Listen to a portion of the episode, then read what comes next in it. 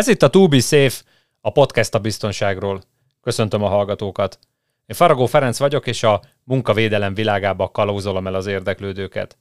Podcastünk második évfolyamában is igyekszünk hasznos, gyakorlati segítséget nyújtani a biztonság megteremtéséhez, mind a munkavállalók, mind a munkáltatók számára. Kérdéseiteket, témajavaslataitokat várjuk a tubisafe.hu oldalon. A To Be Safe podcast műfaja lehetővé teszi, hogy beszélgetéseket, interjúkat is megosszak veletek. Ezek az eszmecserék mindig jók, mert teret engednek más szakemberek véleményének, így eltérő nézőpontból is megvilágíthatjuk az éppen aktuális témakört, valamint lehetőségünk nyílik az építő jellegű vitára is. A mai nagyon izgalmas témánk a munkahelyi baleset és a baleset vizsgálat lesz, Vendégem és beszélgető partnerem pedig Ferenc Éva. Éva munkavédelmi felügyelőként nagyon sok munkabalesetet vizsgált. Erről és a balesetekkel kapcsolatos tapasztalatairól fogunk beszélgetni. Szervusz Éva, kérlek mesélj egy pár szót magadról. Sziasztok! Ferenc Évi vagyok, 2007-ben csöppentem a munkavédelmi felügyelőség világába, illetve a munkavédelem világába közel 10 éven keresztül 2021-ig dolgoztam a felügyelőségen, kisebb-nagyobb megszakítással. Foglalkozási megbetegedéseket, munkabaleseteket vizsgáltam, és természetesen boldogítottam a munkáltatókat az ellenőrzésekkel. Jelenleg versenyszférában egy nagy vállalatnál látok el házi szakértőként munkavédelem, tűzvédelem és környezetvédelmi feladatokat. Természetesen ehhez ide is hozzátartozik, hogy amennyiben munkabaleset van, azokat is ugye ki kell vizsgálni. Várom a kérdéseket, és csapjunk bele a témába. Rendben, köszönöm. Akkor azt gondolom, hogy tisztázzuk először a munka-baleset fogalmát, mert úgy látom, hogy sokszor problémát okoz a munkavédelmi kollégák számára annak az eldöntése, hogy egy-egy esetet munkabalesetként kezeljenek-e. Segíts benne, Évi, kérlek. Alapvetően a maga a munka baleset, onnan kellene kiindulni, hogy mi az, hogy baleset fogalma. Ugye a baleset fogalmát, mint minden egyes meghatározást jogszabály határoz meg, Jelen esetben is ugye a munkavédelmi törvény az alapja és az omegája ugye minden egyes kivizsgálásnak és minden intézkedésnek a balesettel indulnánk, ugye ez egy emberi szervezetet ért egyszeri külső hatás, és ugye itt az külső hatáson nagyon-nagyon nagy hangsúly van, ami a sérült akaratától függetlenül hirtelen vagy aránylag rövid idő alatt következik be. Na most ehhez hozzátársul az, hogy mit nevezünk munka balesetnek, hozzátársul ehhez a fogalomhoz, hogy szervezett munkavégzés keretében. A szervezett munkavégzés szintén ugye a, a törvény határozza meg. Számos, most nem mennék bele itt a, abban a rendkívül hosszú felsorolásban. Az alap, alapeset az, hogy dolgozik a munkavállaló, és bármilyen külső hatás éri, ez lehet ténylegesen bármi, géppel, berendezéssel, vagy csak szimplán közlekedéssel, abban az esetben már munkabalesetről beszélünk, ehhez nyilván kell az, hogy munkavégzés közben történjen, munkavégzési helyen és munkaidőben történjen, ugye. A közrehatástól független szokott egy probléma lenni.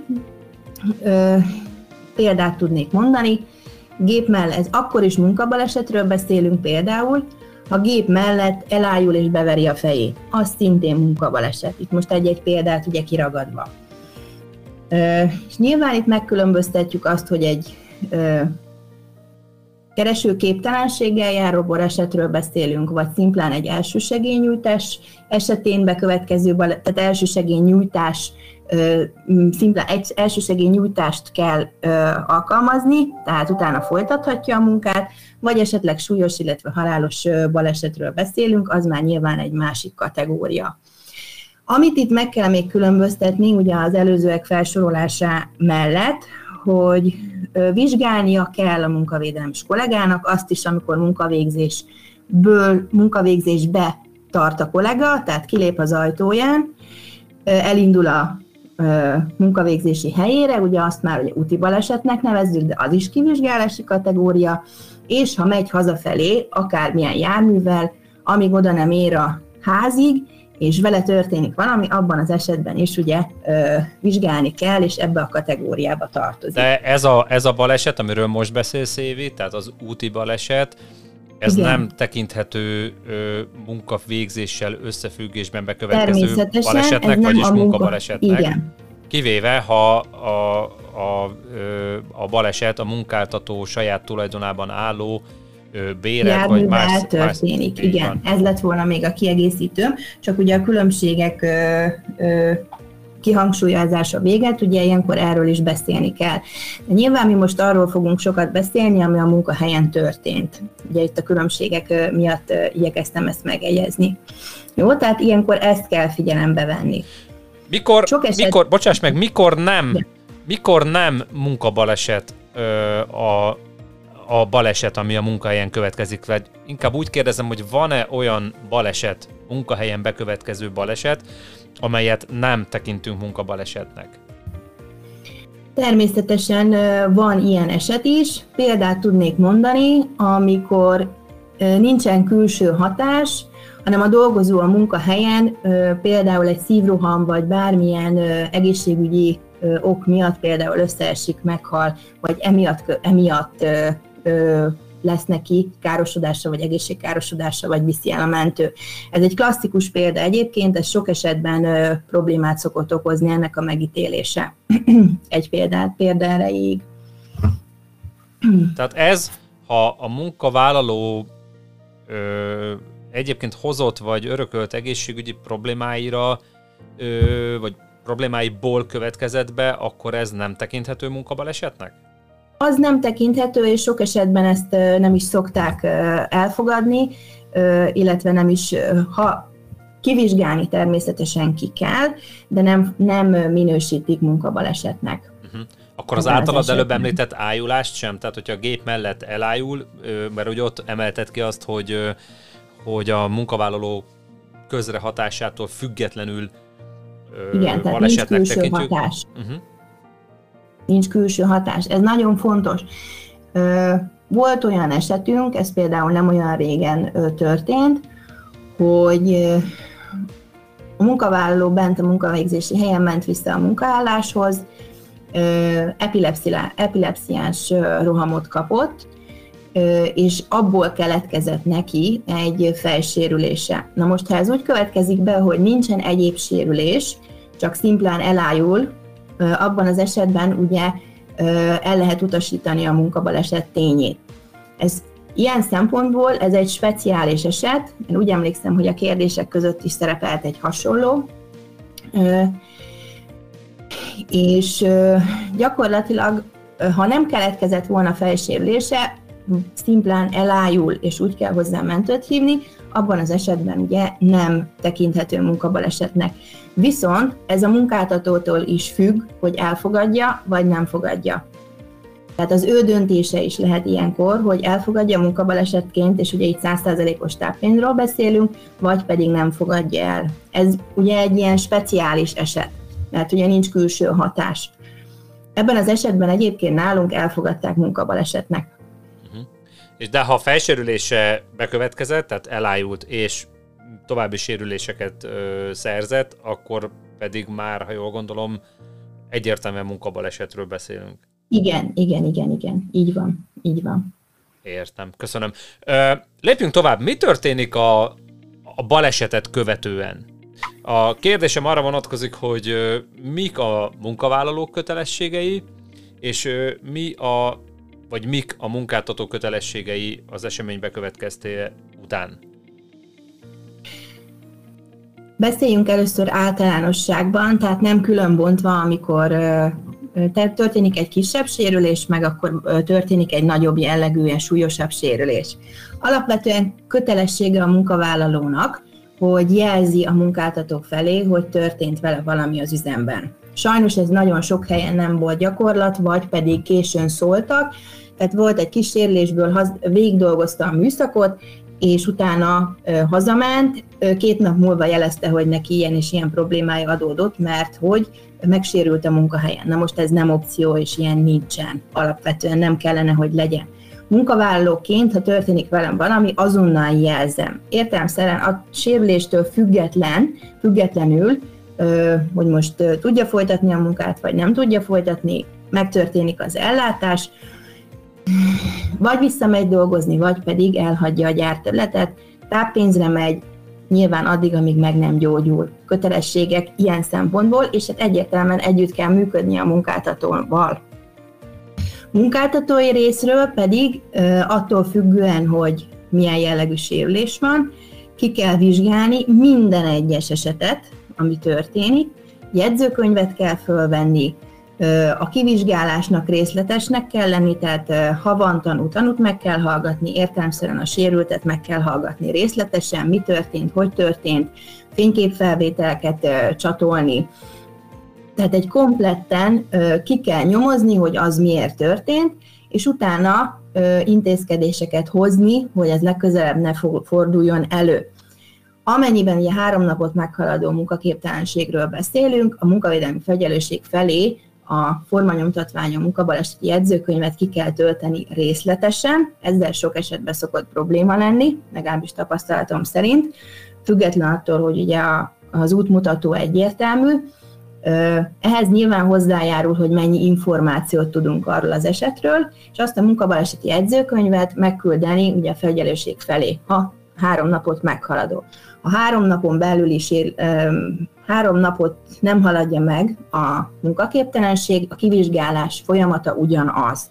Emellett ugye az OEP felé, bocsánat, ugye az egészségbiztosítási pénztár kormányhivatalnak ezen ö, ö, osztálya felé is ugye a, a speciális ö, formanyomtatványon szintén jelezni kell és ők pedig ugye az üzemiségét fogják elfogadni, ugye az egy itt ebben az esetben más történet, ugye más jogszabályi háttérrel bír, a, ugye az, az ellátás, illetve a pénzmeri juttatás tekintetében, de kötelez, kötelezettség tekintetében ezt kell ugye tenni a munkáltatónak minden esetben. Jó?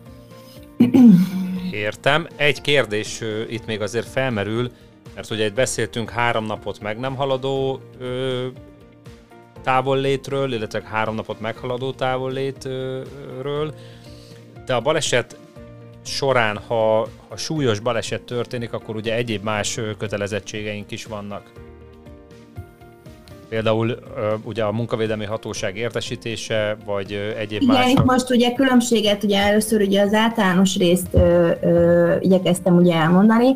Súlyos baleset esetén azonnali jelentési kötelezettsége van a munkáltatónak, tehát a súlyos baleset ugye ö, sérült halálával, érzékszervelvesztéssel, itt ugye a hüvelykújra fölhívnám a figyelmet, mert a hüvelykújnak a sérülése, illetve elvesztése az külön kategóriába esik. Beszélőképesség elvesztése, ugyan ilyen esetben a baleset bekövetkezésekor azonnal értesíteni kell a hatóságot, munkavédelmi hatóságot, illetve a mentő az valószínűsíthetően a rendőrséget is fogja hívni ebben az esetben. Most, hogy a munkavédelmi hatóság értesíti a rendőrséget, vagy a mentő, ez mindig ugye az esettől függ, illetve a, a hatósági résztől függ, hogy ki telefonál kinek, de ilyen esetben fel kell készülni egy rendőrségi vizsgálatra is. Így van, így van. Arról beszéltünk, hogy bekövetkezik tehát a munkabaleset, és hogy a munkavállalónak azonnal értesítenie lenne szükséges, vagy mondjuk így, hogy kötelessége értesítenie a munkáltatót, nyilván a közvetlen vezetőjét, vagy, vagy ha, ha őt nem éri el, vagy nem tudja értesíteni, akkor a legközelebbi munkatársát és azon keresztül a munkáltatóját értesíteni köteles. Akkor is, hogyha a baleset vagy a szerzett sérülés nem látszik súlyosnak, vagy, vagy nem ítéli súlyosnak a munkavállaló. Nagyon sokszor mhm. előfordul ugyanakkor, hogy egy-egy balesetet csak jóval az eseményt követően, hogy te is említetted, akár napokkal vagy hetekkel később jelentenek be a munkavállalók.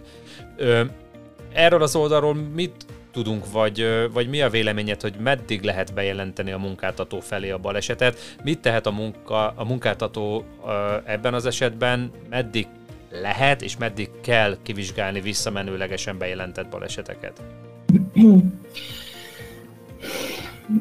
Értelemszerűen a munkáltató nem valószínű, hogy boldog lesz attól, hogyha két hét múlva jelzi a dolgozó, hogy itt és itt megsérült. Ebben az esetben a munkáltató, ha nincs rá bizonyíték, és uh, itt akár a tanúmeghallgatás, akár a, a akár egyéb orvosi dokumentum, vagy bármilyen bizonyíték hiányában a munkáltató elutasíthatja. Viszont, hogyha olyan jellegű sérülése keletkezik, ami hosszú távon is akár befolyásolhatja az életvitelét a dolgozónak, és a munkáltató mondjuk megfordítom, nem akar ezzel foglalkozni, munkavédelmi hatóság felé fordulhat és bejelentést tehet, hogy vizsgálják ki, mert hogy a munkáltató nem vizsgálta ki. Értem szerint, hogy milyen okból ezt esettől függ. A baleset bekövetkezésétől három év áll rendelkezésre erre hogy ezt megtegye a munkavállaló. Három év után ez elévül, tehát utána onnantól kezdve már nem lehet ezzel foglalkozni. Sem hatósági, hatóság is el fogja utasítani, a munkáltató meg biztosan, és akkor már nem lehet ezzel mit kezdeni, jogilag nincs rá lehetőség. Tehát három év az, ami áll rendelkezésre erre. Egy picit azért ezen el kell, hogy gondolkodjunk, mert, mert három év távlatából balesetet vizsgálni azért nem egy egyszerű dolog, de erre majd akkor visszatérünk egy kicsit később. Most ott tartunk tehát, hogy történt egy baleset, ugye gondos megelőzési stratégiánk ellenére történt valamilyen esemény, nem kívánt esemény a munkáltatónál.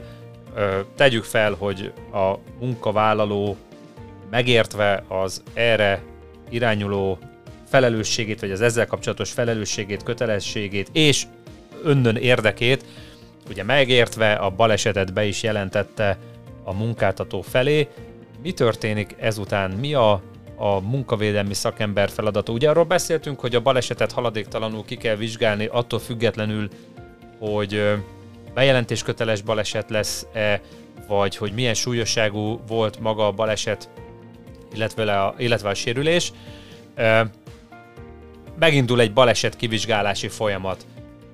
Erről beszélgessünk egy kicsit részletesebben, hogy miért kell kivizsgálni a balesetet, egyáltalán mi a baleset vizsgálat célja, mik a céljai, mert azt gondolom, hogy több céllal is vizsgálódunk, illetőleg kinek kell részt vennie a baleset kivizsgálásában, és hogyan kellene történnie az eredményes baleset vizsgálatnak.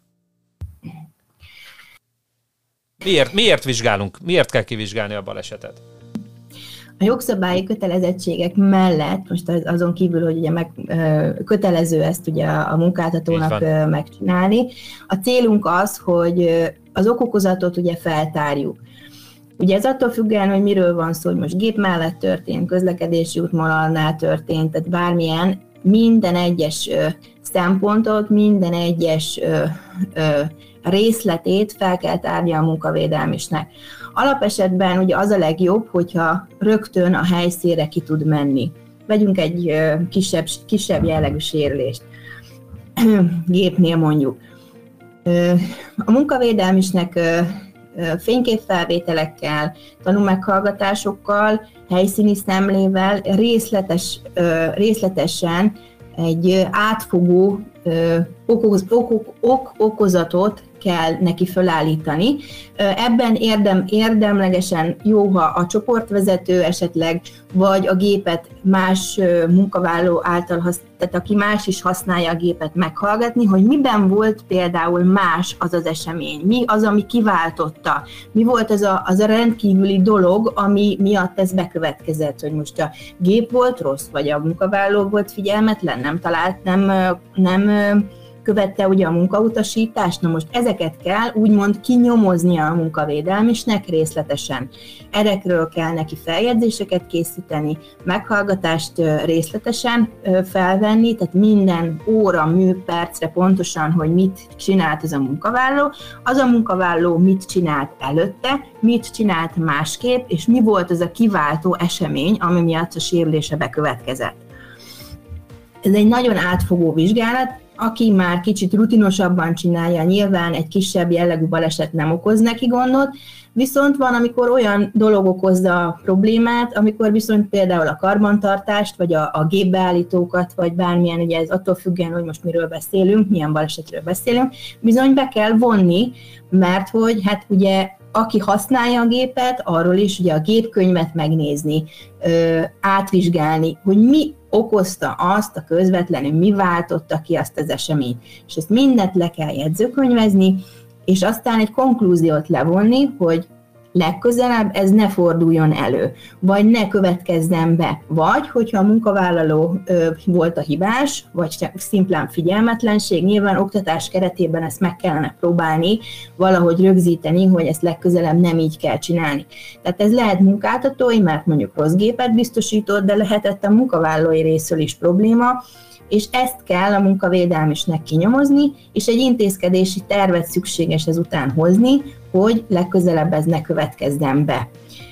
Van, ahol a gyakorlat az is, hogy ilyenkor azt a teljes műszakot, vagy azt a teljes csapatot, aki mondjuk most gépről, ha mondjuk gépes balesetről beszélünk, leoktatják újra, nem csak a munkavállalót rendkívüli oktatással, hogy ennél a gépnél így és így kell legközelebb csinálni, vagy erre kell odafigyelni, vagy ha pedig a gép volt rossz, ugye a gépet felülvizsgálni ilyen esetben Ugye ez munkáltatói kötelezettség minden ilyen esetben, hogy soron kívüli felülvizsgálatot kell ö, végezni, és mindezeket ugye le kell dokumentálni. Így néz neki gyakorlatilag ö, egy komplett ö, kivizsgálás. Akkor, ha jól értem, ö, akkor te is annak a pártján vagy, hogy a kivizsgálás az egyrésztről minden részletre ki kell, hogy terjedjen. Azt, ö, azt nem gondolom, hogy egy balesetnek kizárólag egy kiváltó oka van, azt hiszem, hogy inkább úgy tudnánk megközelíteni, vagy én úgy szoktam megközelíteni, hogy egy balesethez vezető ilyen ok-okozati ö, lánc ö, az, ami, ami végül is ki fogja váltani a nem kívánt eseményt, tehát hogy nem egy hiba történik ott a rendszerben, hanem több ö, egymásra ö, ható valamilyen ö, ilyen okokozati összefüggést kell feltárni.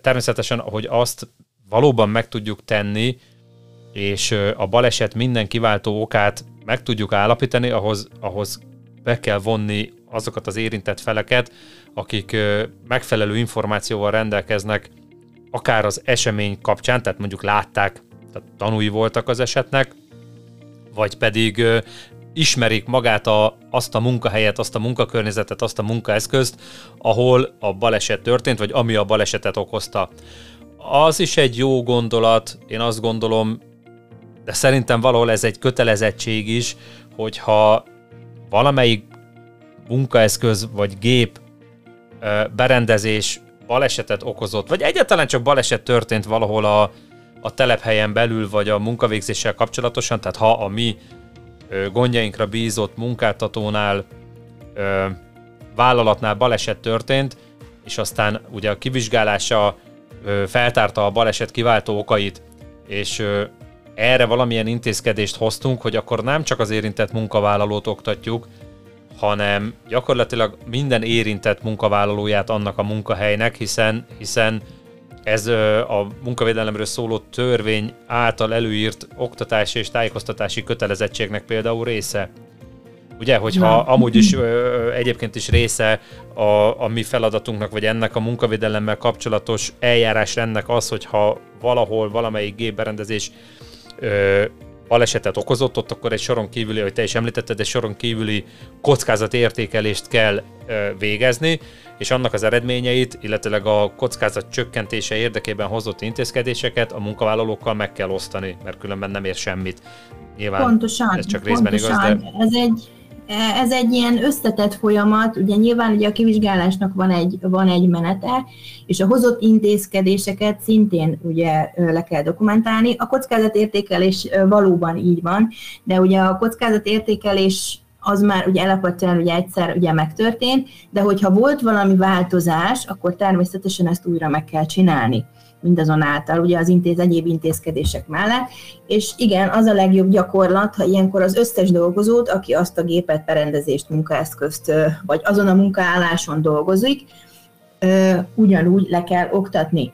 És lényeges szempont egyébként, hogy nem csak a baleset időtartamába, illetve a, abban a, azon a napon, aki dolgozott kell, illetve szükséges foglalkozni azzal és vizsgálni kell, hanem azt, hogy előző napokban is esetleg előfordult-e bármilyen rendellenesség a gépnél. Ilyen, ilyen tapasztalat is volt, hogy ugye ha bármilyen rendellenesség van bármilyen munkaeszközzel, vagy a munkaállomáson, vagy munkahelyen, ez most bármiről beszélünk, ugye azt hivatalosan jelezni kell ugye a, munká, a csoportvezető vagy műszakvezető felé, és ugye akár ledokumentálják, vagy hoznak rá, szólnak a karbantartásnak, hogy, hogy például, most csak példákról beszélünk, hogy erre szükséges bármit is csinálni, illetve intézkedni kell. Na most, ha ezt a munkavállalók elmulasztják, mert úgy gondolják, hogy ők ezt meg tudják oldani problémaként, bármilyen, tehát nem kérnek segítséget, nem jelzik. Ja, de gy- gyakorlatilag arról beszélünk, hogy elfogadja a, a nem biztonságos munkakörülményt Pontosan. úgymond normálisnak. Ugye Pontosan, arról beszélünk, tehát hogy ez az a helyzet, amikor a munkavállaló a, a, a balesetveszélyes vagy kockázatos munkakörülményt egészen egyszerűen elfogadja és nem jelzi azt, hogy, hogy, hogy az ő munkavégzése ott biztonsággal vagy biztonságos módon nem biztosított. Hát vagy ha elfogadja, vagy a másik része, hogy nem mer szólni, mert nehogy neki valamilyen jogkövetkezménye legyen ebből, bár ez egy nagyon, én úgy gondolom rossz gondolat, de, de ilyen is előfordul, és akkor úgy van bele, jó van, most megúsztuk, most kihúztuk a, kihúztuk a tálcát onnan, vagy kikapcsoltuk, vagy átállítottuk, vagy megoldottuk saját maga. A következő pillanatban viszont az x alkalommal már lesz belőle sérülés pedig meg lehetett volna úgy oldani, hogyha akkor jelzik, és megoldják mondjuk a karbantartás részére egy karbantartási beállítás, vagy probléma, vagy, vagy bármilyen intézkedés, akkor lehet, hogy el lehetett volna kerülni a balesetet. Ez sajnos az emberi tényezőt, azt nehéz ilyenkor befolyásolni, munkavállalókat, sok, munkavállalóknak sokszor kell elmondani, hogy ne figyeljenek ilyenkor szólni.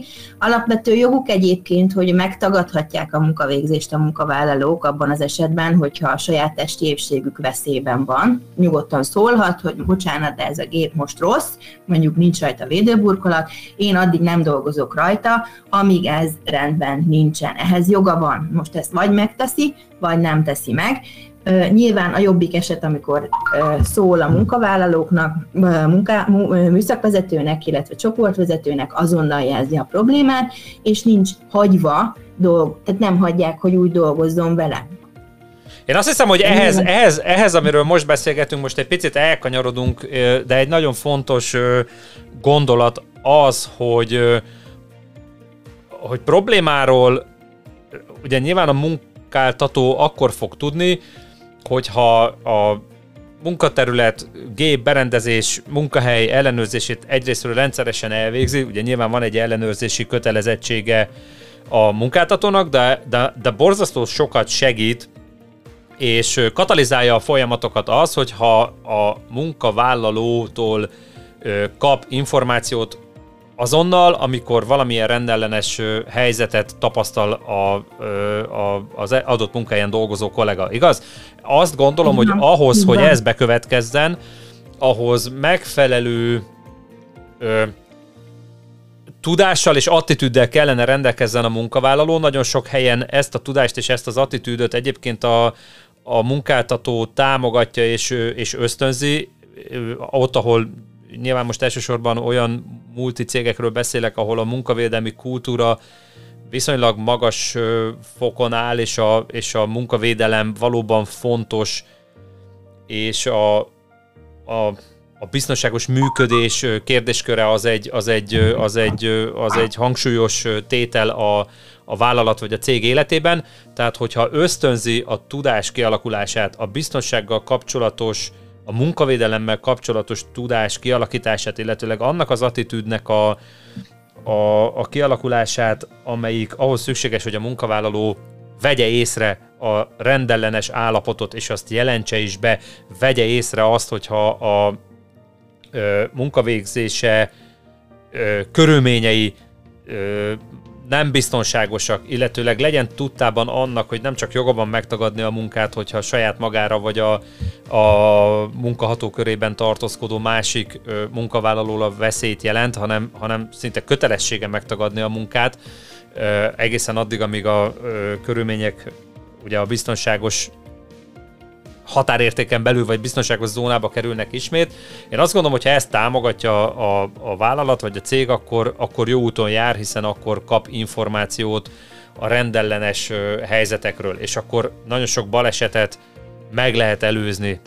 Ugyanakkor Ugyanakkor hát nyilvánvalóan ez, a, ez az állapot nagyon sok esetben sajnos még nem áll fönt, hiszen ennek a Hát talán, talán azt lehet mondani, hogy a, a fontosságát nem tudom milyen oknál fogva, ez, ez egy másik kérdéskör, ugye nagyon sok munka, munkáltató, munkaadó nem ismeri fel, főleg itt ugye kisvállalkozásokról beszélünk elsősorban, vagy kisebb cégekről, ahol, ahol talán a munkavédelem költség tényezői miatt, vagy én nem tudom, hogy milyen oknál fogva, nyilván lehetne erről sokat beszélgetni, de ez a helyzet nem áll fent.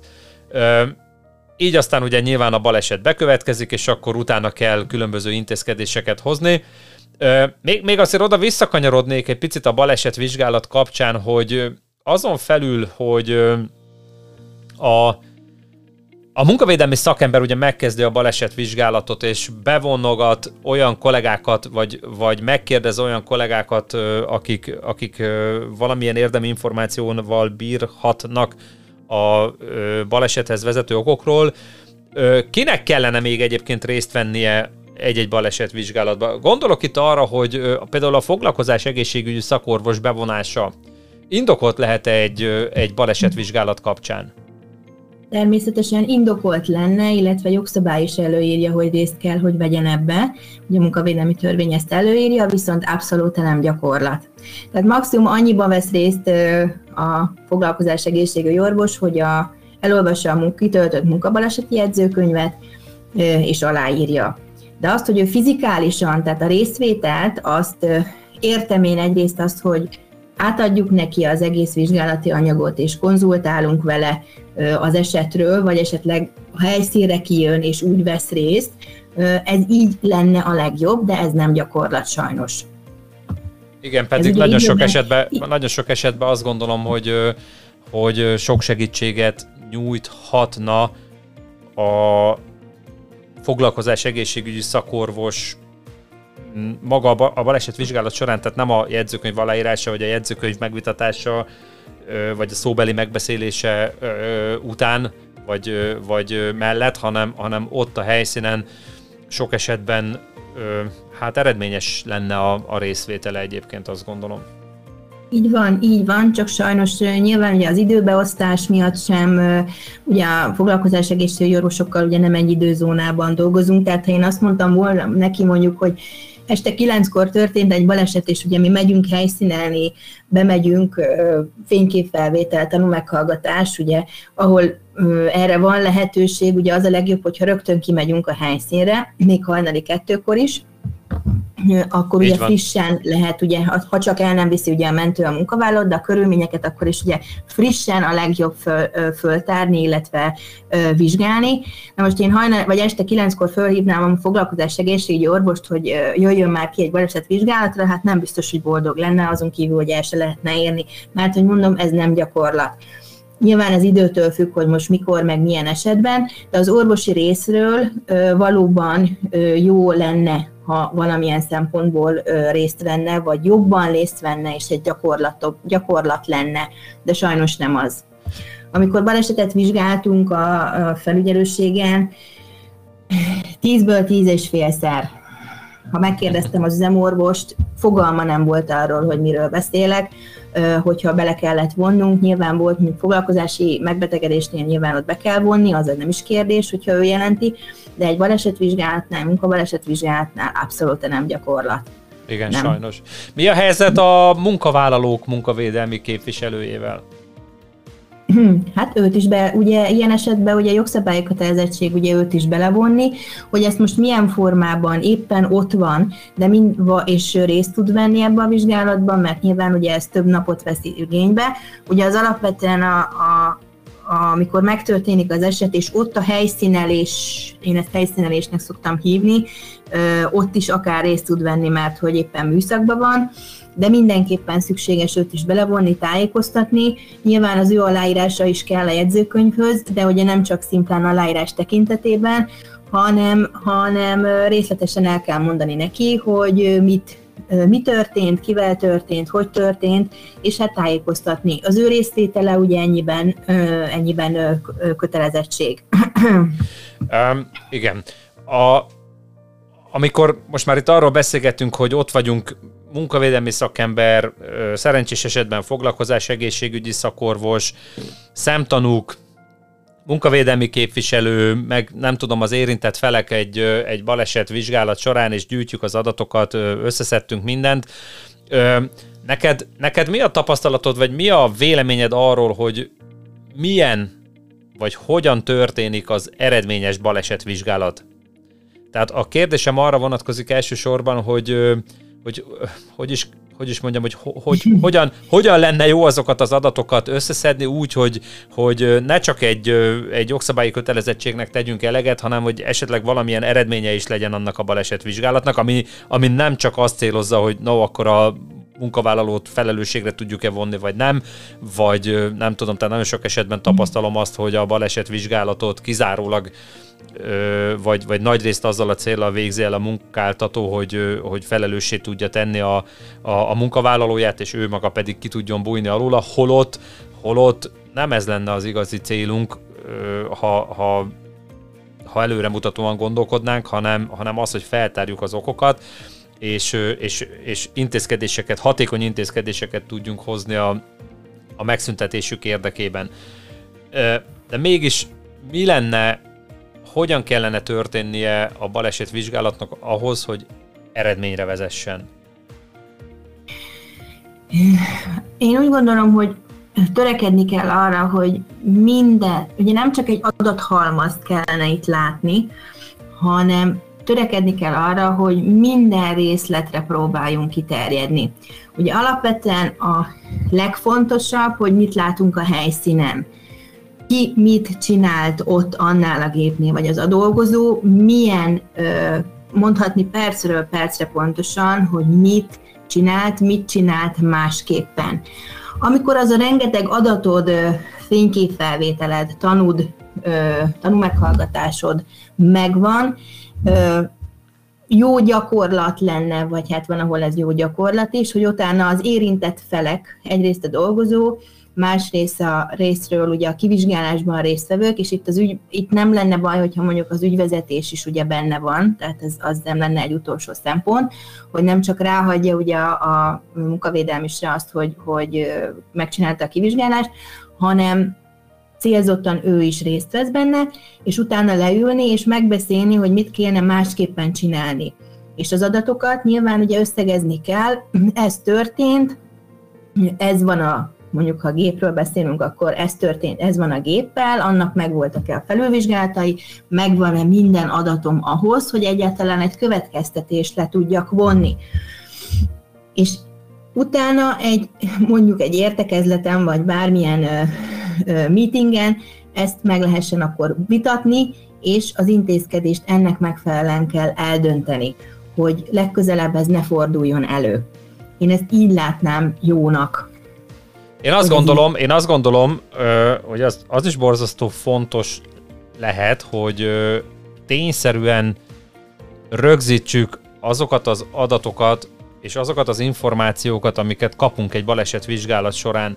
Egyrészt azért, ez a saját tapasztalatom, hogy egyrészt azért, mert, mert ott a baleset vizsgálat során még nagyjából látjuk a magunk előtt a helyszínt, illetve nyilván a helyszínt azt látjuk, szerencsés esetben úgy, hogy onnan nem történt, tehát nem mozdítottak el semmit, tehát a, a baleset ö, ö, kialakulásának, vagy a baleset bekövetkeztének a, a pillanatát, ö, vagy azt a helyzetet látjuk még ott a munkahelyen, úgy, ahogy a balesetkor történt, tehát ott akkor előttünk van még a helyszín, a körülmények, a, a, a megvilágítás, nem tudom, tehát sok minden ö, a, a munkakörnyezettel kapcsolatban, viszont később amikor ö, foglalkozunk még a baleset okainak a vizsgálatával, vagy még, még csináljuk az analitikát a, a rögzített baleseti, balesetvizsgálati jegyzőkönyv alapján, akkor már nehezebb felidézni azokat a, a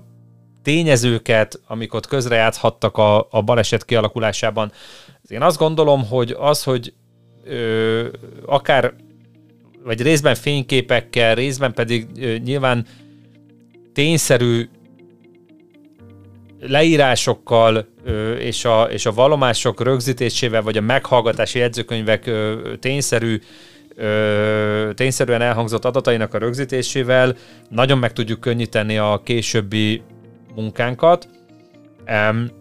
Egyúttal azt gondolom, hogy fontos lehet ez azért is, mert két, két okból kifolyólag az egyik az, hogy nagyon sok esetben előfordul az, hogy a munkavállaló egyszer csak másképp gondolja a, a, a, a baleset körülményeit, és akkor elkezd, mit tudom én, hárítani, vagy, vagy, vagy ne adj Isten, ugye előfordul az is, hogy, hogy pert indít a cég ellen és nem baj, ha tényszerűen, ugye nyilván ilyenkor megvan minden olyan információnk, ami, ami a balesetvizsgálat következtében ö, feltártunk, vagy amit a, a balesetvizsgálat ö, ö, során rögzítettünk. Egy-kettő. Lesz a, ennek a baleseti eseménynek egy olyan következménye is, és az, és az viszont időben elkülönül a, a baleset vizsgálattól, vagy a baleset ö, ö, bekövetkeztének a, az időpontjától úgy, úgy értem, hogy időben elkülönül, hogy sokkal távolabb időpontban következik be, ez pedig, ez pedig az, amikor az egészségpénztár elkezdi majd, mit tudom én, hónapokkal, vagy ne Isten, ugye sokszor előfordul, hogy évekkel később a, a baleset körülményeit firtatni írásban, és ilyenkor meg kell válaszolni. Én azt gondolom, hogy, hogy nagyon kevesen emlékszünk már arra, hogy mi történt ö, pontosan ö, hónapokkal korábban, vagy akár egy évvel, másfél évvel korábban, és a, az OEP-nek pedig hát részletes válaszokat kell adni a baleset körülményeit illetően. Igen, hát ezért jobb, hogy minél előbb ö, megcsináljuk azt a vizsgálatot. Így van, a, az egészségpénztár az egy ilyen szempontból ugye jóval később jelentkezik. Az ott, attól függően egyébként hogy az most üzemi vagy nem üzemi, ugye itt most a pénztár részéről ugye az üzemiség elbírálása általában ugye az az elsődleges, és hogy még utána esetleg felmerültek költségek, ami miatt ő jelentkezik a kivizsgálás miatt, hát bizony ez feladja a leckét a munkavédelmiseknek, Valóban nagyon nehéz ilyenkor, ha esetleg ez mondjuk akkor szokott legjobban kijönni ez a probléma, amikor mondjuk munkavédelmist váltanak, és hogy az előző kollega csinálta a kivizsgálást, és mondjuk nem terjed ki mindenre a, a vizsgálat, és azután hát nagyon nincs más lehetősége. Most egy két évvel előtte megtörtént, ráadásul még mondjuk nincs is ott a dolgozó már éppen, vagy most éppen szabadságon van, vagy, vagy nem elérhető, tehát ez bizony megnehezíti a kivizsgálást. Ugye az üzemi, ugye az, az egészségpénztár ugye más szemszögből nézi, a leg, legnagyobb probléma szok, sokszor az szokott lenni, hogy ez a külső, önállók a külső hatás megvan, vagy nincs meg. Nagyon sok ilyen elutasító határozatot láttam már ugye üzemiségre vonatkozóan. Na most, hogy azt hogy lehet későbbiekben kivizsgálni, vagy visszamenőleg, bocsánat, nem később, visszamenőleg kivizsgálni, hát ez bizony nehéz. Akkor ugye rendelkezésre állnak adatok, azokkal kell dolgozni, ha, ha pedig a munkavédelem is csináltam a balesetvizsgálatot, nyilván és most már eltelt két év, az bizony nem olyan egyszerű, de meg kell próbálni. A rendelkezésre álló adatokat kell ilyenkor közölni, nagyon más választása nincsen. Ha pedig ott van még a dolgozó, de a dolgozó már nem fog emlékezni, hogy akkor mi történt, biztos hogy. Nem, én, én, azt gondolom, én azt gondolom, Évi, hogyha ezt megengeded nekem, hogy itt beleszóljak, hogy, hogy e, részben, részben, részben ezért is lényeges az, hogy még a leg hogy mondjam, banálisabbnak, vagy a legegyszerűbbnek tűnő balesetet is megfelelően kivizsgáljunk, és az adatokat ö, rögzítsük,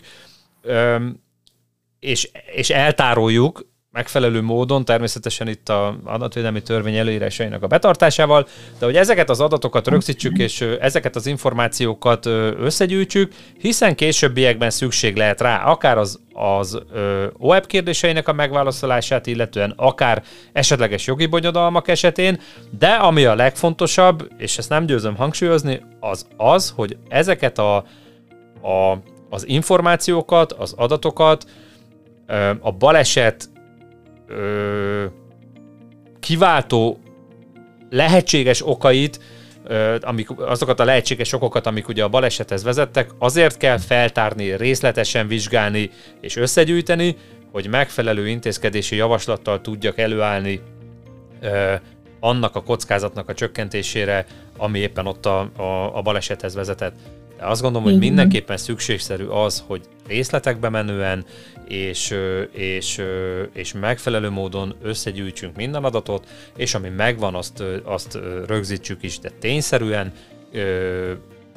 kérdezve, vagy tényszerűen megállapítva, nem pedig, mit tudom én, nagyon sokszor láttam azt is, hogy előítélettel megy oda a munka, á, ez így nem történhetett, tehát úgy megy oda a munkavédelem, és ez hülyeség.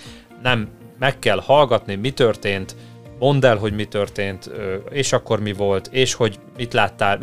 Meg kell hallgatni ezeket a, a válaszokat tényszerűen rögzíteni kell, és akkor a későbbiekben lehet velük dolgozni. Akár arról van szó, hogy én intézkedést kívánok hozni, akár arról van szó, hogy mit tudom én, az OEP-nek a, a kérdéseit kell majd megválaszoljam.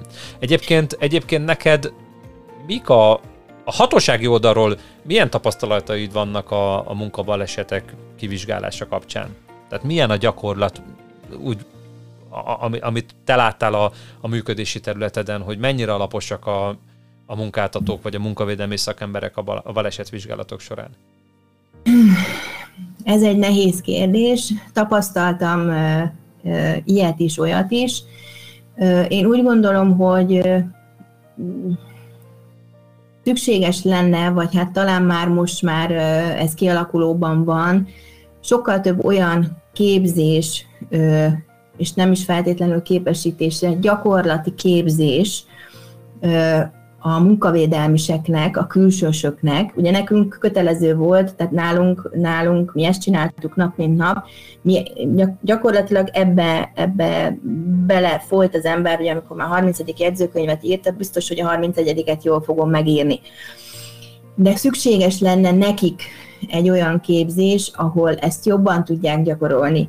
Mert hogy alapvetően, amikor már a, és ugye itt a jegyzőkönyv kitöltésnél jön elsősorban vissza az, hogy ez a kivizsgálás mennyire volt jó, mennyire volt alapos, vagy tud-e úgy kérdezni, hogy, és itt a sérült vallomása ugye nagyon-nagyon-nagyon sokat jelent, de tud-e úgy kérdezni az a munkavédelm is, hogy tételesen a jegyzőkönyvet utána ki tudja tölteni, és megfelelő konklúziót le tud belőle vonni. Mert ha alapvetően úgy áll hozzá, hogy ez biztos nem történhet meg, ahogy az előbb említetted, hát az alapvetően rossz ö, ö, politika, mert nem, nem, egy, nem, nem jó gyakorlat, de azt tapasztaltam, hogy, hogy nagyon sok munkavédelm is kikerült a szférába, fogalma nincs arról, hogy hogy álljon neki egy munkabaleset vizsgálatnak. És ugye amikor már mondjuk a súlyos baleset van, és ugye mi is ott voltunk, ugye a felügyelőség részéről, ugye a mi vizsgálatunknak ugye volt egy protokollja, és úgy tudom, hogy most is ugye így van, azon nekünk ugye végig kellett menni, de mi ezt ugyanígy vártuk el a munkavédelmisektől, és hát igazából itt meg is akadt a dolog. Vagy ő más konklúziót vont le, nem értettünk egyet, ilyen is, a, a, a, ilyen is előfordult, tehát itt nekem ez itt egy ilyen nagyon nagy hiányom. Sajnos nem jó, nem a, a tisztelt a kivételnek, mert volt, aki nagyon alaposan végezte, ugyanis azt tudni kell, hogy ugye amikor egy ilyen hatósági balesetvizsgálat van, az teljesen el kell, hogy különüljön, ami hát nyilván nem olyan egyszerű, de el kell különüljön a munkavédelmisnek a balesetvizsgálatától. Az más kérdés, hogy dolgozunk egymás anyagából, de el kell különülni. Mi külön veszünk föl jegyzőkönyvet, külön fényképezünk, külön csináljuk az egész helyszínelést, és utána ugye az intézkedést, az ugye nyilván hatósági részről egy más történet. Munkavédelmisnek pedig ugye, amiket korábban megbeszéltünk, hogy mi mindent kell csinálni, neki arra kiterjedően kell a vizsgálatot véghez vinni, és hát nyilván neki ugye egyéb intézkedéseket is kell tenni. Mi ugye a hatósági részről, mi megtettük az intézkedést, tehát megtesszük az intézkedést, de neki ugye annak a kockázatnak a csökkentése, illetve hogy ne forduljon elő, intézkedést kell tenni. Na most, ha felületes a vizsgálata, akkor nem fog tudni intézkedést hozni, nem, fog tudni, nem fogja tudni elmondani a munkáltatónak, hogy most akkor mi, hogy merre történt. Az is igaz, hogy mondjuk egy súlyos meg halálos esetnél szakértőket szoktak külön bevonni, ez mondjuk a rendőrségnek egy bevált gyakorlata, független a mi vizsgálatunktól, tehát ilyen több oldal, és ugye az a legjobb ilyenkor, hogyha ugyanazt az eredményt hozzuk ki. Ugye látjuk egymást, vagy láttuk egymás anyagát, ugyanazt az eredményt hoztuk ki, hogy mi, követke, mi miatt következett be ugye az a baleset. Úgyhogy nekem így a tapasztalatom szerint nagyon-nagyon szükség lenne a gyakorlati, meg elméletet bárki el tudja olvasni, de az, hogy ez tételesen, hogy mikor, mit kérdezek a dolgozótól, hogyan kérdezem, hogy nézem meg azt a gépet, én nekem ez hiány. Nekünk ezt felelősségen, nekünk külön képzéseink voltak erre, illetve hát kint voltunk, ugye a legjobb ö, tanító az a gyakorlat, amikor balesetet kell vizsgálni, természetesen minden munkavállalót sajnálok, aki megsérül, de a legjobb gyakorlat, amikor, és ez legyen súlyos, halálos, nyilván ahhoz kell, hogy bírják, ugye, amikor a, a holtest is esetleg kint van, vagy testrészek kellenek, nyilván ezek, ezek mind hozzátartoznak, de bizony, munkavédelmiseknél ez a gyakorlat, én úgy gondolom, nem nagyon teljes, és nem feltétlenül ugye itt a, a levágott testrészek, meg az egyebeknek a, a tapasztalását értem, hanem, hanem hogy gyakorlatban, amiről előbb beszéltünk, hogy mit kell csinálni, ez bizony nekem valahol hiányzik a képzésben. Én, én, ezzel, én ezzel egyébként teljesen egyetértek veled, egy picit talán azzal nem, hogy azt én nagyon nem bánom, hogyha mondjuk az én gyakorlatomban, mit tudom én, a, a, a súlyos balesetek vizsgálata nem jelenik meg, és, és, és nem kell vele foglalkoznom, mert az azt jelzi, hogy valószínűleg a munkámat jól végeztem, hiszen az én, az én feladatom munkavédelmi szakemberként az, hogy megelőzzem az egészségkárosodást, a, a, a munka ö, helyi ö, baleseteket, illetőleg akár a fokozott Igen. expozíciós eseteket, vagy a foglalkozási megbetegedéseket, tehát természetesen én azzal tökéletesen boldog vagyok, hogyha nekem nincs ö, olyan irányú tapasztalatom, amely a, ö, a súlyos balesetek ö, vizsgálatára irányul, de azt a, még egyszer mondom, azzal tökéletesen egyet értek,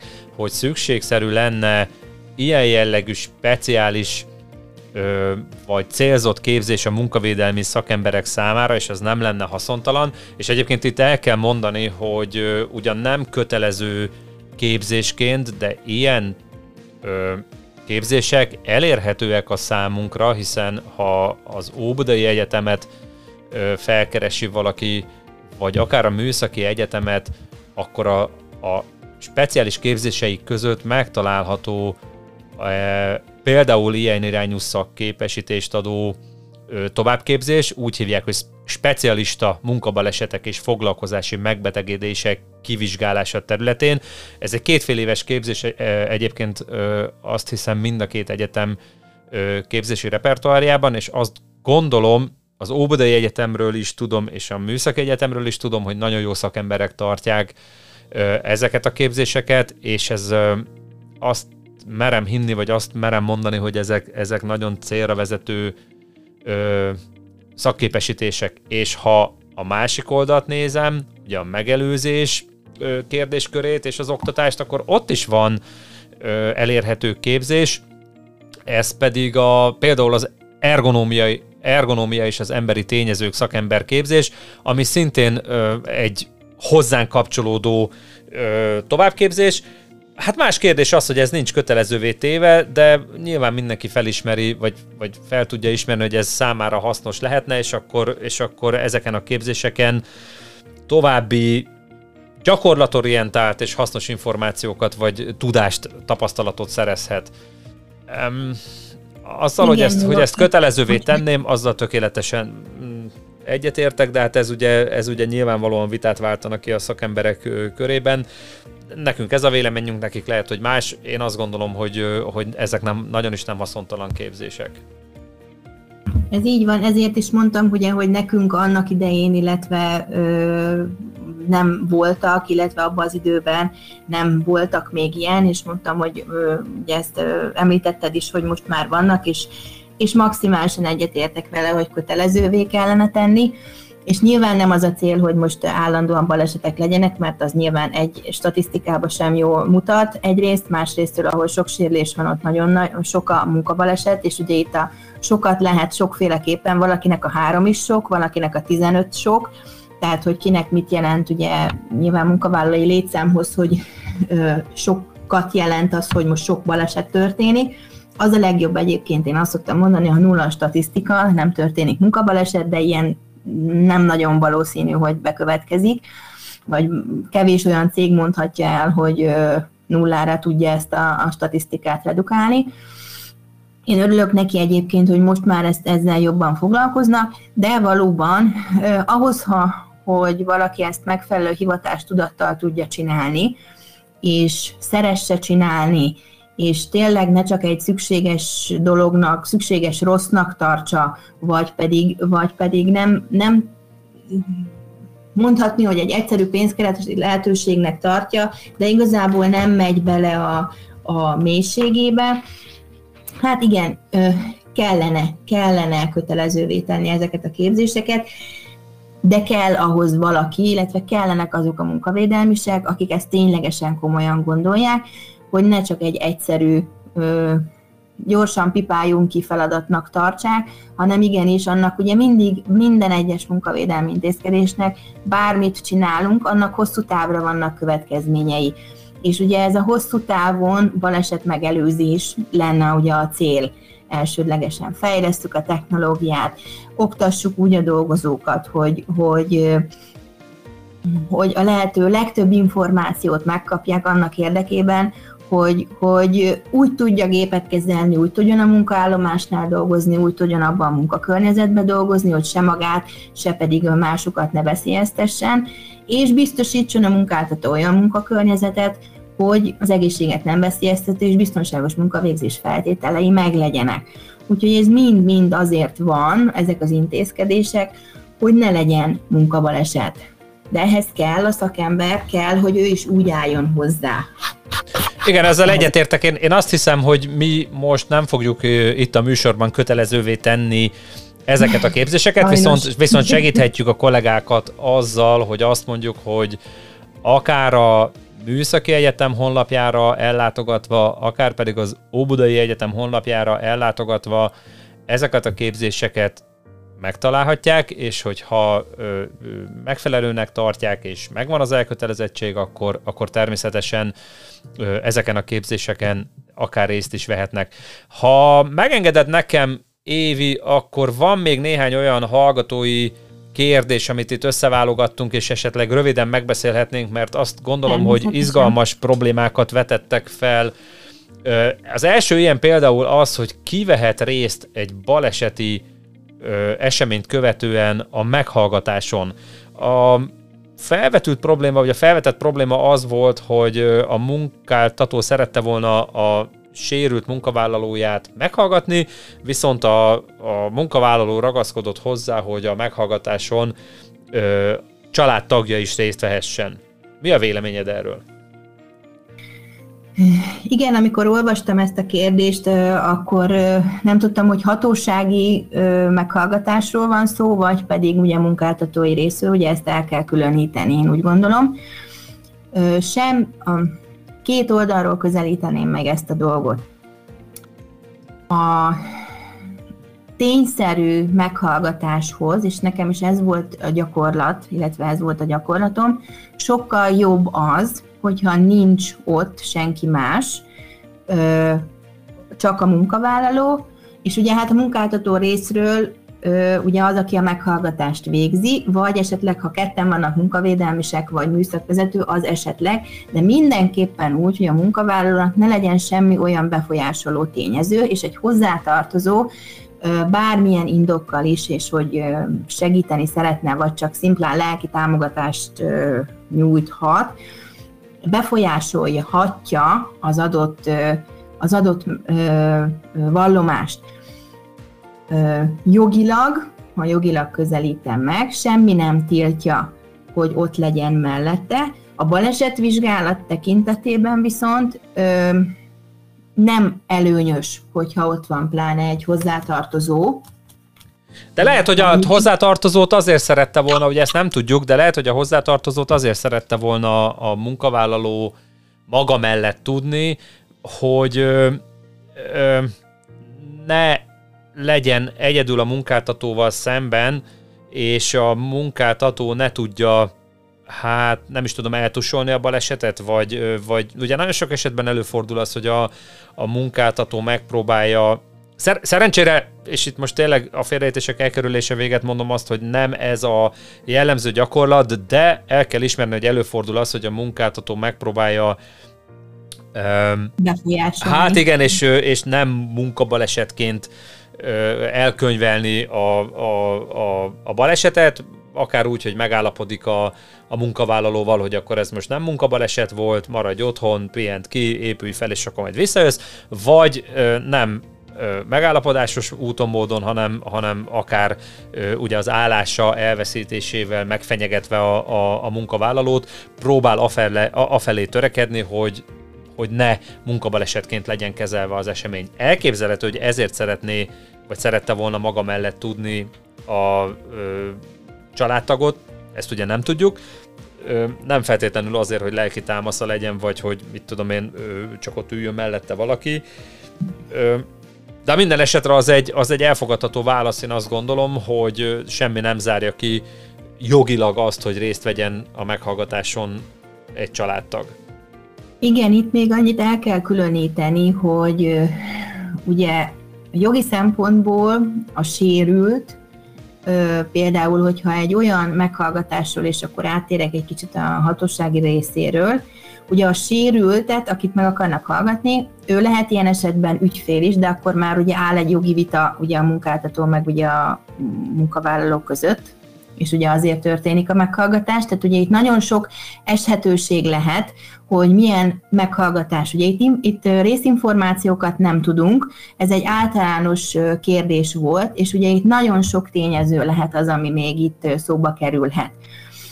Világos. Ha például ugye, és ugye amit a jogszabály enged, ha mondjuk a sérült már ügyfélként minősül, tehát áll egy jogi vita és ügyfélként, akkor ugye ragaszkodhat hozzá, hogy például, ha ügyvédje van már, ő például jelen lehet, tehát ezt már a jog, jogszabály ezt például engedi. Na ezt szerettem volna egyébként mondani, hogy nem célszerű be ilyenkor egy ügyvédet behívni a meghallgatásra.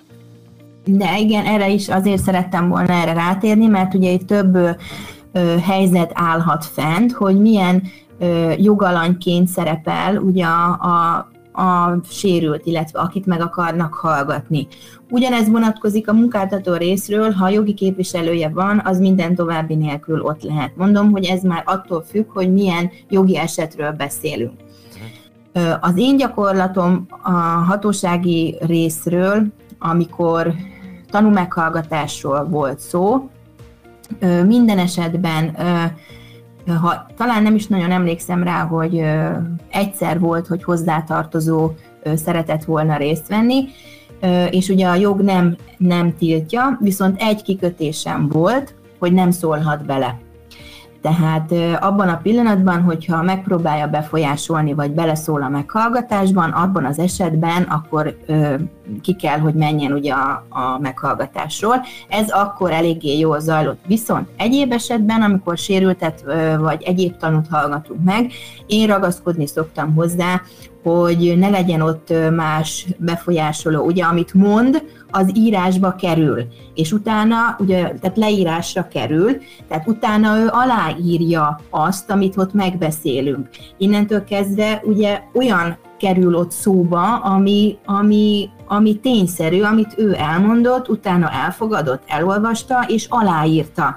Tehát ha aláírásával már jelzi, hogy azzal ő egyetért, akkor igazából nincs, nyilván itt lehet menet közben másról is beszélgetni, ugye az esettel kapcsolatban, de maga a meghallgatásra vonatkozóan, ami ott elhangzik, és az esettel kapcsolatban a dolgozó mond, az papírra kerül, és aztán ő azt aláírja, és egyetért vele. Innentől kezdve nagyon vitázni ezen nem lehet. Ha most ott az ügy, ügyvéd mellette, ő még elolvassa, elmondja a véleményt, illetve válaszol esetleg olyan kérdésre, vagy azt mondja, hogy erre nem válaszolok. Ilyen is van, mondom, ez a jogesettől függ, illetve a meghallgatásnak a körülményeitől függ. Igen, de hát erre mondtam azt a, a, itt a beszélgetés során, hogy amikor ugye tényszerűen gyűjtjük az adatokat, akkor kérdéseket teszünk fel a meghallgatás során a, a, a munkavállalónak, a sérült, vagy a sérülés szenvedett, balesetet szenvedett munkavállalónak, feltesszük a kérdéseket, rögzítjük a válaszát, és nyilván ilyenkor ö, szerencsés az, hogyha ha kívülről nem ö, súgdosnak, a, vagy, bocsánat, tehát nem befolyásolják a, a, a, a válaszát, ö, és, és tényleg azt tudjuk tényszerűen papírra vetni, ö, amit ő mondani szeretett volna, vagy ahogy ő látta a helyzetet, és akkor, és akkor és kész. Nyilván az, hogyha valaki harmadik fél a jelenlétével megnyugtatja őt a a kivizsgálás vagy, a, vagy az eset kezelés jogszerűségét illetően, akkor az ott elfogadható mindaddig, amíg, amíg nem próbálja meg befolyásolni, legyen az ügyvéd vagy, vagy, vagy családtag, teljesen mindegy, nem próbálja meg a válaszát befolyásolni. Tehát, pontosan, ö, pontosan. Így, így, így teljesen ö, helyén való a, a, akár egy harmadik félnek a, a jelenléte, ha, ha nem szól, jelen van, és a, és a végén a, az ügyfél, illetve bocsánat, a, a sérült a, a, a, a vallomását, vagy a, a, a jegyzőkönyvben foglaltakat elolvassa, aláírja, azzal egyetértését kifejezi, és akkor korrekt módon lezajlott a vizsgálat, illetőleg maga a meghallgatás. Lényeges egyébként ilyenkor, hogyha ilyen mondjuk úgy, hogy problémás esetről van szó, és van jelen, van még pluszba valaki, érdemes, én speciál bele szoktam írni, és amikor felügyelő voltam akkor is, hogy XY ilyen titulusban vagy minőségben jelen volt a meghallgatáson, plusz pont. Hogy a jogi képviselő észrevételt is tehet adott esetben, általában az volt a gyakorlat, hogy utólag írásban adott észrevételt, de ott a helyszínen van észrevétel, és ugye megbízott jogi képviselőről beszélünk, tehát hivatalos, nem csak egy betévet ügyvéd, ügyvédről, hanem megbízott jogi képviselőről, Természetesen ugye észrevételezésével élhet, nyilván ez a helyzettől, kihangsúlyozom, ugye a helyzettől függ. Úgyhogy érdemes akkor ezt így rögzíteni benne. Rendben, köszönöm Egyéb... szépen. Ja, bocsánat, beleszóltam, de mond nyugodtan. Igen. Egyébként azt még szerettem volna a kivizsgálással kapcsolatban mondani, hogy ugye minden eset más és más. Tehát nincs nekem sem, amíg vizsgáltam balesetek elterjedő foglalkozásban, nem volt két egyforma esetünk. És mindig az adott szituáció, és ez akár a tanú meghallgatásra vonatkozóan is, ugye van egy alapprotokoll, de minden esetben lehet olyan tényező, vagy lehet olyan dolog, ami miatt egy kicsit változtatni kell azon a helyzeten, vagy változtatni, nyilván jogi környezeten belül. Úgyhogy ezek, ezek nagyon érdekes dolgok, és nagyon lényeges ugye itt a tanulmághallgatásnál, hogy milyen kérdéseket és hogyan teszi fel ugye egy kicsit visszakanyarodunk itt a kivizsgálásban, mert előbb szerettem volna még hozzáfűzni, nem akartalak megszakítani, hogy ne adjuk a szájába, hogy mit mondjon a dolgozó, tehát a kérdéseket úgy kell föltenni, akár keresztkérdések, egy kicsit dörzsöltem munkavédelem is ezt tudja, keresztkérdésekkel, mert ugye, hogyha a dolgozóval, és hát nyilván nem feltételezem minden esetben, hogy a dolgozó követ, követett el valamit, ami, ami miatt ugye ez bekövetkezett, de bizony ilyen is előfordul, és ezt föl kell ismerni, és a legjobb módszer a tanulmághallgatásnál megfelelő kérdéseket föltenni a dolgozónak, mert előbb-utóbb, ha őnála volt a probléma, nem a munkáltatónál, az ki fog derülni. Igen, hát ez a, ez a, a tényszerű vizsgálatra való törekvésnek az egyik az egyik alapja, hogy nem próbálom meg a kérdéseimmel befolyásolni, viszont a, a tapasztalat alapján ö, nyilvánvalóan a kérdéseknek ki kell terjednie, ki kell terjednie arra is, hogy esetleg a munkavállaló ö, vétkességét, vagy, vagy, vagy megállapítsa, vagy, vagy, vagy azt, hogy nem vétett a munkavállaló a szabályok ellen, de magát a szabálykövető magatartását, illetőleg a tudásának az alkalmazását tényszerűen fel kell tárnia. Így van. Hogy mondjuk például szándékosan kiiktatta a biztonsági Így berendezést. Van. Így van. Most ez jutott eszembe, hogy ez egy gyakori példa, és ilyen balesetvizsgálatom is volt. Nyilván ugye az ellátás tekintetében ez munkáltatótól függ, hogy most ő ennek ellenére elfogadja el munkabalesetnek, vagy nem, nyilván attól függ, mi, mi, mi történt, milyen eset történt, de bizony a szándékosság és szabályszegés ilyenkor már adott esetben játszhat. Na most ez, hogyha a munkavédelmisnek nyilván ismerni kell a gépeket, berendezéseket, amennyire csak lehet, ahol ellátja ugye a munkavédelmet. Nyilván ez száz százalékig nem lehet, mert hogy nem vagyunk ott nap 24 órájában ugye az üzembe, de azért törekedni szükséges rá, és egy ilyen esetnél bizony nagyon nem mindegy, hogy hogy kérdez. Így van, így van, így van. Ö, második, második ilyen hallgatói ö, kérdés az, hogy munka baleset vagy üzemi baleset-e, ha egy munkavállalót a gyár kerítésén belüli, tehát kerítésen belüli buszmegállóban fellöknek lögdösödés közben, miközben az üzemi buszjáratra akarnak felszállni? Igen, ez egy nehéz ügy. Itt nekem nagyon fontos lenne, ugye itt szintén ehhez a kérdéshez elég sokat gondolkoztam rajta, számos információ hiányzik.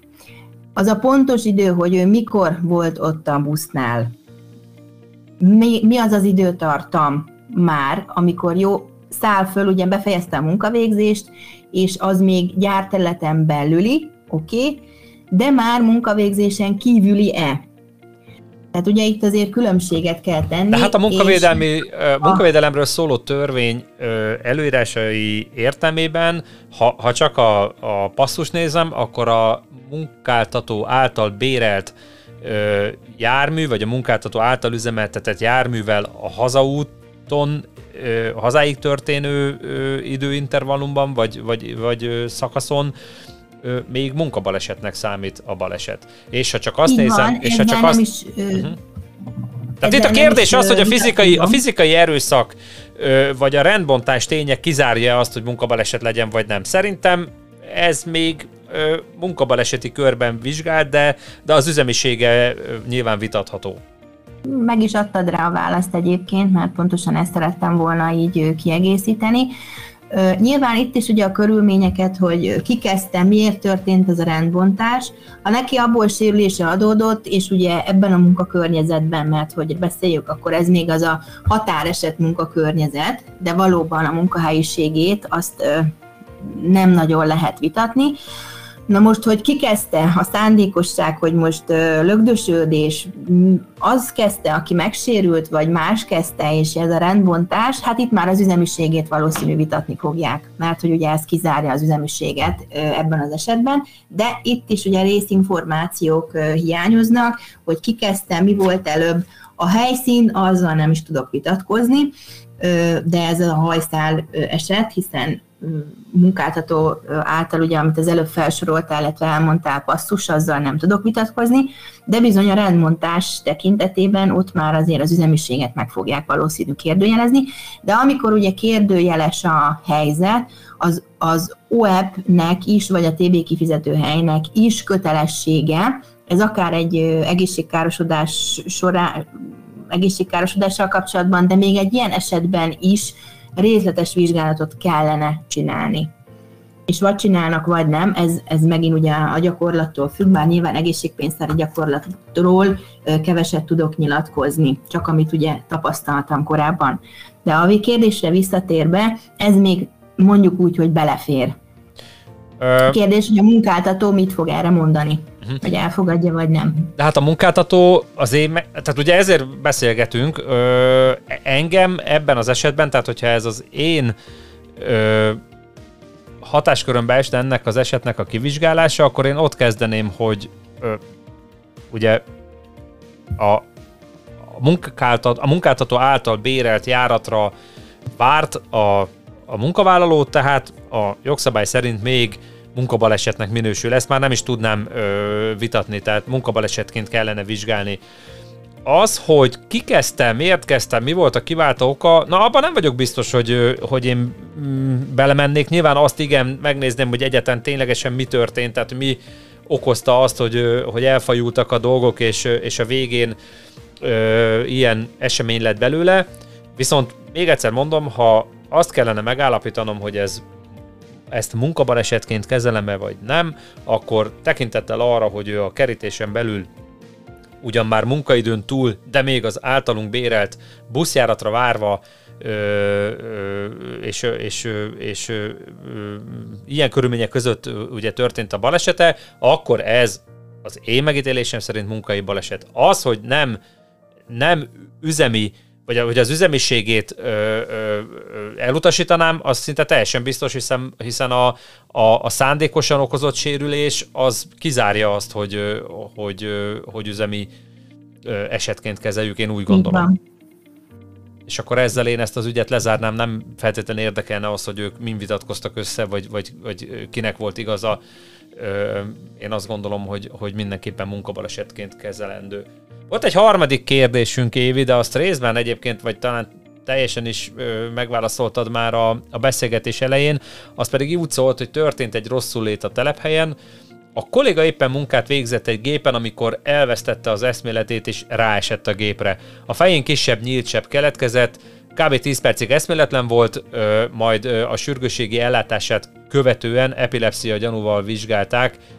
Ö, ez vajon munkabaleset-e vagy sem? Igen. Azért is emlegettem ezt, mert nekünk is volt egy hasonló ö, esetünk. Ö, az epilepsia az egy ö, nehéz ügy. Kérd, itt megint nagyon sok kérdés ö, felvetül. Ö, ha azt nézem, hogy ott, és ha jól értettem, ugye gép mellett elájult, és a feje megsérült. Nálunk hasonló eset volt, csak a közlekedési út, vagy a feje sérült, bocsáss meg, csak igen, a... Igen. igen tehát sérülése keletkezett, viszont ugye itt a külső tényező hiányzik. Ugye? Így Mert van. hogy ugye a rosszul léte, a rosszul léte, tehát valószínű az epilepsziás rohama, ami egy belső tényezőnek minősíthető, rohama idézte elő ezt a, ezt a helyzetet, de megsérült a helyszíne, tehát megsérült, tehát sérülése keletkezett benne. Na most ö, első kérdés, hogy egyáltalán a munkáltató tudott-e arról, vagy a foglalkozás egészségügyi orvos, hogy neki ilyen problémája lehet. Ugye köztudott, hogy ezzel az epilepsziával éjszaka például nem lehet dolgozni. Tehát megvannak a specifikumai, hogy egy ilyen betegséggel mikor és hogy lehet ugye beosztani. Ugye itt a munkabaleseti kérdés ugye a, a a, az, az elsődleges, hogy akkor azt válaszoljuk meg. Munkahelyen, munkavégzési időben történt. Munkabalesetként, függetlenül attól, hogy a külső hatás nem volt meg, el, tehát jegyzőkönyvet kell fölvenni, és, és ugye ki kell vizsgálni, és munkabalesetnek visönsül. Ugyanilyen, ugye egyéb tényezőket, ugye részinformációkat nem tudunk, de ha abból indulok ki, ami például nálunk volt, az üzemiségét viszont el fogják utasítani külső hatás hiányában. Még akkor is, ha ő ott megsérült. És ugye nem olyan régen volt a, a pontosan emiatt konzultációnk, hiszen mi maximálisan ragaszkodtunk ahhoz, hogy, hogy ugye ez munkabaleset független attól, mert hogyha nem sérült volna meg a dolgozó, csak ugye szimplán, és ugye ezt a legelején említettem, összeesik, akkor ez nem is, kér, nem is képezhet vitatárgyát. De megsérült a munkavégzési helyen, tehát a munkabaleset fogalmát maximálisan kimeríti. Az más kérdés, hogyha üzemiséget nem, ugye az azt jelenti, hogy a 100%-os táppénzét valószínűsíthetően nem kapja meg. Én úgy gondolom, hogy itt, ebben az esetben a munkáltatónak a hozzáállása ehhez a kérdéshez nagyon-nagyon sokat számít, mert adott esetben, ha nem is kapja meg a 100%-os táppénzt, de egy valamire való munkáltató ebben az esetben adott esetben kompenzálhatja is a dolgozót. Ez már ugye egyedi megállapodás tárgyát képezheti, de valószínűsíthetően ilyenkor üzeminek nem fogják elfogadni. Évi, itt egy pillanatra azért álljunk meg, mert én azt gondolom, hogy ez a problémakör ennél egy picit azért bonyolultabb, bonyolultabb lehet. Hiszen a, ha azt mondjuk, hogy ugye munkahelyen, munkaidőben történt a balesete, ne, ugye nyilván munka a balesetnek fogjuk minősíteni, független attól, hogy volt-e külső hatása vagy nem. Viszont azért ennél a, tehát az egyértelmű, hogy munka baleset. Viszont ennél a tipikus esetnél azért én biztosan neki mennék annak a problémakörnek, és ugye ezt részben említetted is, és bennem is felmerült, hogy vajon az epilepsziás betegségről, tehát magáról az epilepsziáról volt-e tudomása a munkáltatónak, volt-e tudomása a foglalkozás egészségügyi szakorvosnak. Ha igen, akkor figyelembe vette a, az alkalmasság megállapításakor, és ha igen, akkor a munkáltató ennek megfelelően járta el a munkavállaló munkarendjének vagy, vagy feladatának a meghatározásakor. Ugye ez, ez, ez egy kérdés. Másik kérdés az az, hogy vajon egyáltalán a munkavállaló tisztában volt-e a, a, a betegségével. Aztán a további kérdés az, hogy ha tisztában volt a munkáltató a betegséggel, akkor voltak-e olyan körülmények, mert ugye itt látszólag legalábbis a leírás alapján nincs külső hatás, viszont azért azt tudjuk, hogy az epilepsziát nagyon sok minden ki tudja váltani, tehát magát a rohamot nagyon sok minden elő tudja idézni. Tehát volt-e esetleg olyan fényhatás, a, ami érte a, a, a, munka, a munkavállalót, ugye ez a stroboszkóp hatás, ami például ki tudja váltani a, az epilepsziás romot. Tehát volt-e ott olyan hatás, aminek a következtében ez a roham bekövetkezett? Vagy nagyon sok esetben az epilepsziát bizonyos gyógyszerek alkalmazásával ugye nyilván megszüntetni nem lehet a betegséget, de szinten tartani, igen, tehát a tüneteit ö, ö, úgymond meg lehet szüntetni, vagy a, a, a rohamok kialakulását meg lehet előzni. Kérdés, hogy tudtunk-e róla, tudott-e róla a munkavállaló, ha igen, tudott-e róla a foglalkozás egészségügyi szakorvos, tudott-e róla a munkáltató, voltak-e olyan körülmények, amik kiválthatták a rohamot, illetőleg ö, alkalmazta-e a, a, vagy használta-e azt a gyógyszert a, a, a munkavállaló, vagy nem. És akkor, ha ezek az információk megvannak, akkor tovább tudok menni abban a kérdésben is, hogy az üzemiségét vitatom-e, vagy nem. Így van, bár az üzemiségi része az ugye nyilván nem a, a mire szortunk ugye ezt eldönteni, ö, legalábbis részben, ugye, mert ugye az egészségpénztár vagy a TV kifizetőhely mondja rá, hiszen nekik is van egy szakértő gárdájuk, aki elméletileg foglalkozik minden ilyen esettel, igaz, egy kicsit később, amikor hozzájuk kerül az ügy, tehát nem feltétlenül ugye abban az időben, amikor ugye ez a kivizsgálás zajlik, hanem egy kicsit hosszabb idő telik el.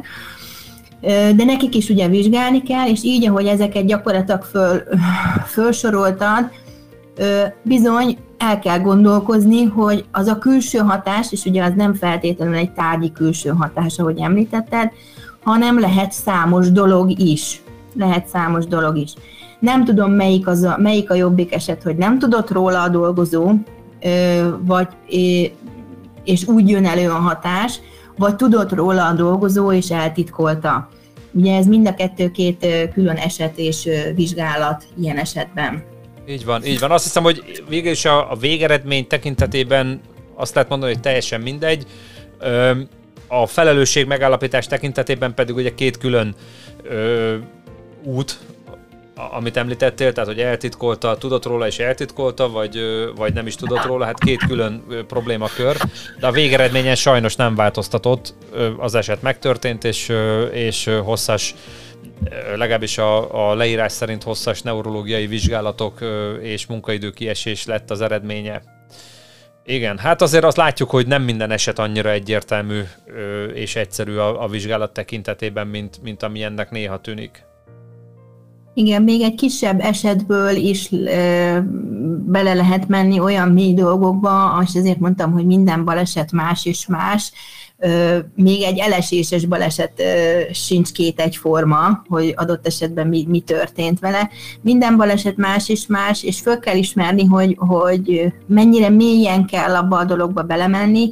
Én mindig azt szoktam javasolni, hogy amennyire mélyen csak lehet. Nyilván ugye mindenkinek kötött az ideje, de egy balesetvizsgálatra sosem szabad ö, sajnálni az időt, mert ugye annak hosszú távú következménye is lehetnek, tehát amennyire részletesen csak lehet feltárni azokat a tényezőket, ami, ami miatt ez bekövetkezett, a, annyira csak lehessen. Tehát a lehető legrészletesebben próbáljunk ennek utána járni, és annál jobb megelőző intézkedéseket fogunk tudni, hozni a későbbiekben, hogy legközelebb ez nem. És ez lehet egy egészségkárosodás. Az epilepsia egyébként ugye az éjszakai műszakban ugye kizáró, illetve a veszélyes munkakör, munkakörülmények között, úgyhogy vagy munkagépekkel való munkavégzésnél ezt teljesen ugye kizárják ilyenkor, tehát eléggé korlátozott az a terület, ahol egy, például egy ilyen betegséggel lehet dolgozni. De ugye ilyenkor mindig az, az merül fel bennem, például a mi esetünkkel is kapcsolatban, hogy ő a, a, nálunk ugye a közlekedési útvonalon esett össze ugye a dolgozó, de mi van akkor, ha éppen gépnél van, és akkor a géphez esik be, vagy a géphez be, beviszi a kezét, mert összeesik, és akkor ráesik. Tehát sokkal vadabb dolgok is lehetnek ebből, ezért nagyon-nagyon veszélyes ez a dolog. Nekem, nekem van egy, bocsáss meg, egy olyan személyes élményem, és ezt most idézőjelbe tettem az élményt, mert egyáltalán nem kellemes, amikor emelőgép kezelő eltitkolt epilepsziás betegséggel kapott rohamot az emelőgépen, és, és a rosszul lét eredménye azt okozta, hogy irányíthatatlanná vált a, a, az emelőgép, tehát a targonca, a homlokvillás targonca, és csak pörgött, pörgött, pörgött a, az udvar közepén, és hát kihívás volt a gépet megállítani, tehát mondjuk belegondolni rossz abba, hogy mi történt volna, hogyha ha ugye, hogy mozgott a, a gép egyre közelebb ért az épülethez, illetőleg a itt az útpatkához, és mondjuk ott elakad a villa, és elborul a géppel, vagy ne Isten valakit telibe talál a, a, a targonca. Ezt hála Istennek sikerült megakadályozni, de, de, de a következmények, a kockázata egy sokkal-sokkal súlyosabb végeredménynek az, az nagyon benne volt a levegőben. Tehát az nagyon-nagyon komoly rizikót jelentett ez a szituáció. Igen, hát ez minden esetben az egyébként. Minden esetben. Itt nekem is mindig az a, a és, és nagyon sok dolgozó fél elmondani még a foglalkozás, ha csak nem látja a, az egészségügyi ö, rendszerben, hogy milyen előzményei vannak, vagy van-e egyáltalán erre utaló, mert ugye egy viszonylag idősebb dolgozónál ugye még kartonozó rendszer volt régen, és nincs minden, nincs minden fölvezetve ugye a, a felhőbe, illetve a, a központi egészségügyi rendszerbe. És ha ez úgy kerül beosztás, és az a dolgozó úgy kerül beosztásra, hogy veszélyes technológiával, vagy ahogy mondtad nálatok, ugye az az emelőgépes, szóval belegondolni is rossz, hogy, hogy mi lehet ennek a vége, és akár több személyet érintő sérülés is bekövetkezhet. Bizony, és tragikus végkimenet. És tragikus végkimenetellel is, így van. Tehát ez, ez, ez egy nagyon képlékeny dolog, de öm, igen, az eltitkolás az sosem, sosem irány. Hát igen, de, de itt most megint visszakanyarodunk egy gondolat erejéig, vagy most már, most már a sokadik ö, ilyen kis ö, kitekintésünk a, a tudásnak és az attitűdnek a, a, a kérdésköre. Tehát az, hogy, az hogy, hogy a biztonsággal kapcsolatos tudásunk és a biztonsághoz való hozzáállásunk az milyen, és hát sajnos valamilyen oknál fogva vagy a kényszer, vagy a félelem, vagy, vagy valami más, fel, mint látjuk a példákból, hogy felülírja ezt a, a, a magatartást, vagy, vagy, vagy ezt a kívánt állapotot, és ugye annak hát súlyos következményei lehetnek, azt, azt látjuk. És akkor ugye ez a, ez a problémakör már egy egész másik ö, ö, halmazt érint, mégpedig ugye a munkavédelemmel kapcsolatos tudásnak a, a problematikáját, de hát erről majd egy másik alkalommal fogunk beszélgetni.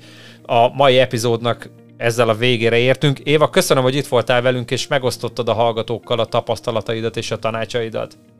Köszönöm szépen a lehetőséget. Remélem beszélgetünk még a későbbiekben. Én is remélem. Ti pedig, ha szeretnétek meghallgatni a következő részeket, akkor kövessetek bennünket. Látogassatok el a weboldalunkra a www.tubisafe.hu címen, és iratkozzatok fel a podcastünkre.